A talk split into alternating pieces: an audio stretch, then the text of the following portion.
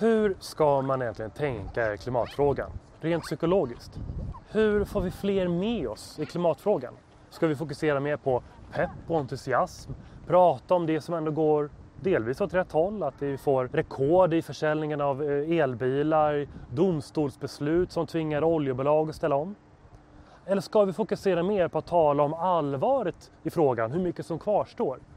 Det här är något som jag tycker är genuint svårt och funderat ganska mycket på.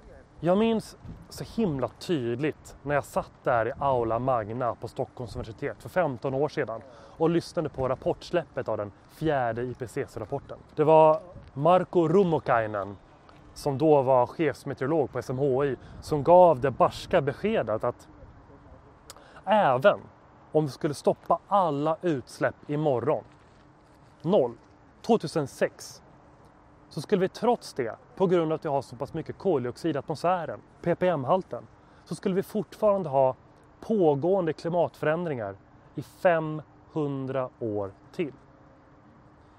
Då ville man ju bara deppa ihop. Men samtidigt så inser man ju att klimatfrågan är ju inte binär. Det är inte så att vi antingen klarar det eller inte.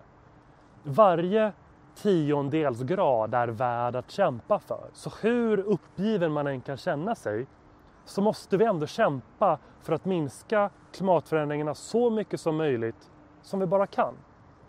Och då tror jag att vi å ena sidan måste prata om de framsteg som sker. Vi måste skapa entusiasm för alla som kämpar för klimatfrågan. Vi måste göra det. Men samtidigt måste vi göra det på ett sådant sätt som inte målar upp någon slags falsk bild av att vi håller på att lösa det här. För det gör vi inte. Vi är fortfarande på väg käpprätt in i klimatväggen.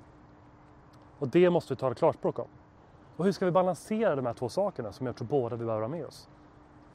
Hur tänker du kring det här? Berätta!